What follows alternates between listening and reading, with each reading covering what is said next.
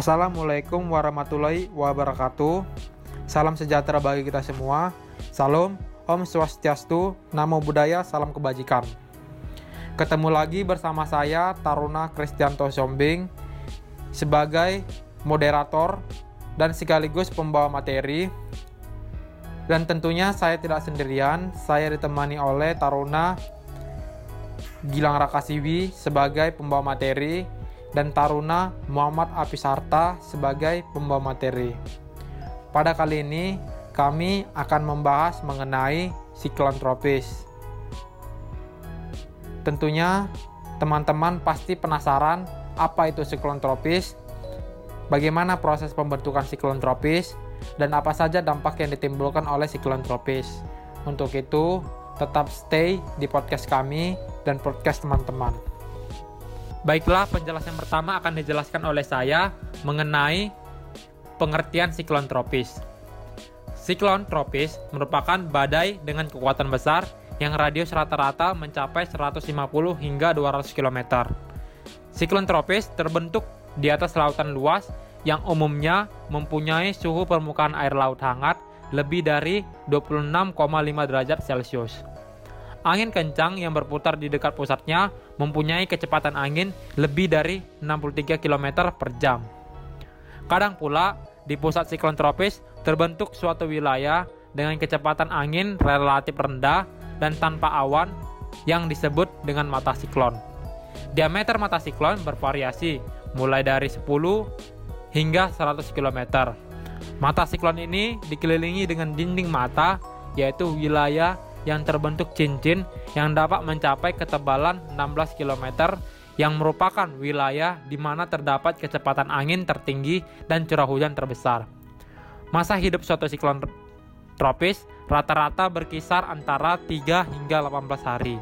Karena energi siklon tropis didapat dari lautan hangat, maka siklon tropis akan melemah atau punah ketika bergerak memasuki wilayah perairan yang dingin atau memasuki daratan. Adapun daerah pertumbuhan siklon tropis mencakup Atlantik Barat, Pasifik Timur, Pasifik Utara bagian barat, Samudra Hindia bagian utara dan selatan, Australia dan Pasifik Selatan. Sekitar 2 per 3 kejadian siklon tropis terjadi di belahan bumi bagian utara. Sekitar 65% siklon tropis terbentuk di daerah antara 10 derajat sampai 20 derajat dari ekuator, hanya, setiga, hanya sekitar 13% siklon tropis yang tumbuh di atas daerah lintang 20 derajat. Sedangkan di daerah lintang rendah 0 sampai 10 derajat siklon tropis jarang ditem ditemukan. Baiklah, sekian penjelasan dari saya. Kemudian saya serahkan kepada Taruna Gilang Rakasiwi. Terima kasih saya akan menjelaskan tentang proses terbentuknya siklon tropis. Seperti namanya, siklon tropis tumbuh di perairan di sekitar daerah tropis, terutama yang memiliki suhu muka laut yang hangat. Siklon tropis dapat terbentuk dengan persyaratan sebagai berikut. Pertama, suhu muka laut sekurang-kurangnya 26,5 derajat Celcius, hingga kedalaman 60 meter.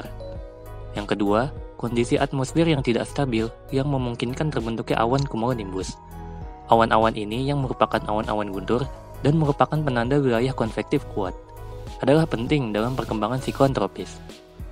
Yang ketiga, atmosfer yang relatif lembat di ketinggian sekitar 5 km. Ketinggian ini merupakan atmosfer paras menengah, yang apabila dalam keadaan kering, tidak dapat mendukung bagi perkembangan aktivitas badai guntur di dalam siklon. Yang keempat, berada pada jarak setidaknya sekitar 500 km dari katulistiwa. Meskipun memungkinkan, siklon tropis jarang terbentuk di sekitar ekuator. Yang kelima, gangguan atmosfer di dekat permukaan bumi berupa angin yang berpusar yang disertai dengan pumpunan angin. Untuk siklus hidup siklon tropis terbagi menjadi empat tahap, dari tahap pembentukan hingga tahap kepunahannya. Yang pertama, tahap pembentukan, ditandai dengan adanya gangguan atmosfer. Jika dilihat dari citra satelit cuaca, gangguan ini ditandai dengan wilayah konvektif dengan awan-awan cumulonimbus. Pusat sirkulasi sering kali belum terbentuk, namun kadangkala sudah nampak pada ujung sabuk perawanan yang berbentuk spiral. Yang kedua, tahap bermatang. Pada tahap ini, wilayah konvektif kuat terbentuk lebih teratur membentuk sabuk perawanan melingkar atau membentuk wilayah yang bentuknya relatif bulat. Intensitasnya meningkat secara simultan, ditandai dengan tekanan udara permukaan yang turun mencapai dari 1000 mbar, serta kecepatan angin maksimum yang meningkat hingga mencapai gale force wind, atau kecepatan angin lebih besar dari 34 knot atau 63 km per jam. Angin dengan kecepatan maksimum terkonsentrasi pada cincin yang mengelilingi pusat sirkulasi. Pusat sirkulasi terpantau jelas dan mulai tampak terbentuknya mata siklon. Yang ketiga, tahap matang. Pada tahap matang ini, bentuk siklon tropis cenderung lebih stabil, tekanan udara minimum di pusatnya, dan angin maksimum di sekelilingnya yang tidak mengalami fluktuasi berarti. Sirkulasi siklonik dan wilayah dengan gale force wind terus meluas. Citra satelit cuaca menunjukkan kondisi perawanan teratur dan lebih simetris. Pada siklon tropis yang lebih kuat, dengan dapat jelas terlihat bahwa ada mata siklon. Fenomena ini ditandai dengan wilayah bersuhu paling hangat di tengah-tengah sistem perawanan dengan angin permukaan yang tenang dan dikelilingi oleh pra dinding perawanan konvektif yang tebal di sekelilingnya, yang disebut dengan dinding mata. Kecuali jika siklon tropis berada di wilayah yang sangat mendukung perkembangannya, tahap matang biasanya hanya bertahan selama kurang lebih 24 jam sebelum intensitasnya mulai melengah. Yang keempat, tahap pelemahan.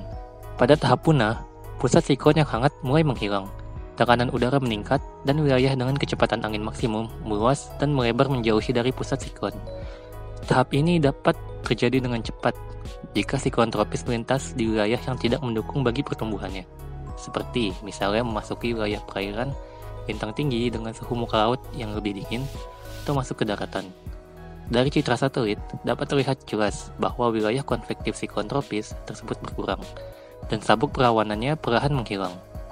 Waktu rata-rata yang dibutuhkan sebuah siklon tropis dari mulai tumbuh hingga punah adalah sekitar 7 hari, namun variasinya dapat mencapai 1 hingga 30 hari. Nah, cukup sekian dari saya. Selanjutnya saya terahkan kepada Ketaruna Muhammad Hafiz. Dipersilahkan. Terima kasih. Selanjutnya di sini saya akan menjelaskan tentang dampak dari siklon tropis. Karena ukurannya yang sangat besar serta angin kencang dan kumpulan awan yang dimilikinya, siklon tropis menimbulkan dampak yang sangat besar pada tempat-tempat yang dilaluinya. Untuk dampak siklon tropis sendiri terbagi menjadi dua, yaitu dampak langsung dan dampak tidak langsung. Untuk dampak langsungnya itu berupa yakni angin kencang, hujan deras berjam-jam bahkan hingga berhari-hari yang dapat mengakibatkan terjadinya banjir dan gelombang tinggi yang mengganggu pelayaran internasional. Kemudian Angin kencang dapat merusak bangunan dan barang, membuat puing-puing berterbangan, dan juga ada gelombang badai atau storm surge, yang yaitu peningkatan tinggi permukaan laut akibat siklon tropis yang memberikan dampak buruk hingga ke daratan. Perputaran siklon tropis yang mencapai daratan dan vertical wind di sekelilingnya dapat juga menghasilkan tornado. Tornado dapat juga dihasilkan akibat dari vortisitas di dinding mata siklon yang tetap bertahan hingga mencapai daratan. Kemudian ada dampak tidak langsung. Perubahan pola cuaca oleh adanya siklon tropis menjadikan siklon tropis memberikan dampak tidak langsung terhadap kondisi cuaca di wilayah terdampak. Dampak tidak langsung atas adanya siklon tropis terbagi menjadi tiga yaitu daerah pembunan angin. Jika dilihat dari citra satelit, Daerah pembunan angin terlihat sebagai daerah memanjang yang penuh dengan awan tebal yang terhubung dengan perawanan siklon tropis, sehingga terlihat seolah-olah siklon tropis mempunyai ekor sehingga sering kali disebut ekor siklon tropis. Kemudian yang kedua ada daerah belokan angin. Daerah belokan angin ini juga dapat mengakibatkan terbentuknya lebih banyak awan-awan konvektif penyebab hujan lebat di daerah terjadinya belokan. Lalu yang ketiga ada daerah defisit kelembaban. Ditengarai bahwa fenomena ini disebabkan karena siklon tropis tersebut menyerap persediaan udara lembab yang terdapat dalam radius tertentu di sekitarnya, termasuk yang terkandung di atmosfer sehingga di wilayah yang diserap justru udaranya menjadi lebih kering dan kondisi cuacanya cenderung cerah tak Contoh dampak siklon tropis di Indonesia yaitu contohnya ada pada siklon tropis Cempaka yang menyebabkan terjadinya angin kencang, gelombang tinggi, curah hujan yang sangat tinggi, banjir dan tanah longsor di beberapa daerah, dan kerusakan bangunan dan properti hingga memakan korban jiwa. Kemudian ada upaya mitigasi bila terjadi siklon tropis. Untuk di wilayah Indonesia, upaya mitigasinya yaitu pemantauan siklon tropis oleh TCWC Jakarta dan penyebaran informasi peringatan dini oleh BMKG melalui berbagai media sosial dan komunikasi. Kemudian ada pengeluaran status siaga darurat oleh pemerintah daerah yang wilayahnya berpotensi terdampak siklon tropis. Dan yang terakhir, lembaga-lembaga seperti BPBD, SAR, TNI, dan Polri melakukan langkah-langkah penanggulangan pembangunan posko-posko dan pengungsian warga yang terdampak. Terima kasih, sekian dari saya. Saya kembalikan kepada moderator. Dari hasil penjelasan mengenai siklon tropis, kami mengambil kesimpulan bahwa siklon tropis didefinisikan sebagai sistem tekanan rendah non-frontal yang berskala sinoptik yang tumbuh di atas perairan hangat dengan wilayah perawanan konvektif dan kecepatan angin maksimum setidaknya mencapai 38 knot pada lebih dari setengah wilayah yang melingkari pusatnya serta bertahan setidaknya 6 jam. Siklon tropis memiliki dampak langsung dan dampak tidak langsung. Dampak langsungnya berupa angin kencang, hujan deras berjam-jam, bahkan berhari-hari yang dapat menyebabkan terjadinya banjir dan gelombang tinggi yang mengganggu pelayaran internasional. Sementara dampak tidak langsungnya berupa daerah pumpunan angin, daerah belokan angin, daerah definisi kelembapan. Demikianlah penjelasan dari kami. Akhir kata kami mohon maaf. Terima kasih.